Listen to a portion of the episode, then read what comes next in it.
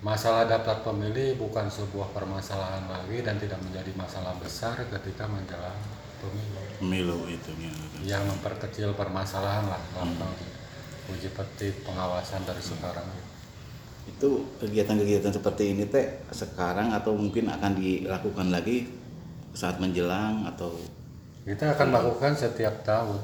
setiap tahun dan setiap tahun berarti tahun 2022 juga samanya. Iya. Berarti Karena nanti kan eh, pemilu dilakukan tahun 2024. hmm, Biasanya KPU menjelang pemilu beberapa bulan menjelang pemilu hmm, selaku selalu melakukan pemutahiran data melalui petugas PPDP namanya iya. Hmm, baik menjelang pemilu maupun pilkada atau pemilihan biasanya ada coklit hmm, hmm, inilah hasil temuan kami Hmm. dari pelaksanaan pilkada yang baru saja dilakukan contoh hmm, di pilkada 2020 kemarin hmm, di 8 kabupaten kota. Hmm, Permasalahan coklit ini atau permasalahan pemutahiran data ini masih ditemukan jadi yang paling utama agar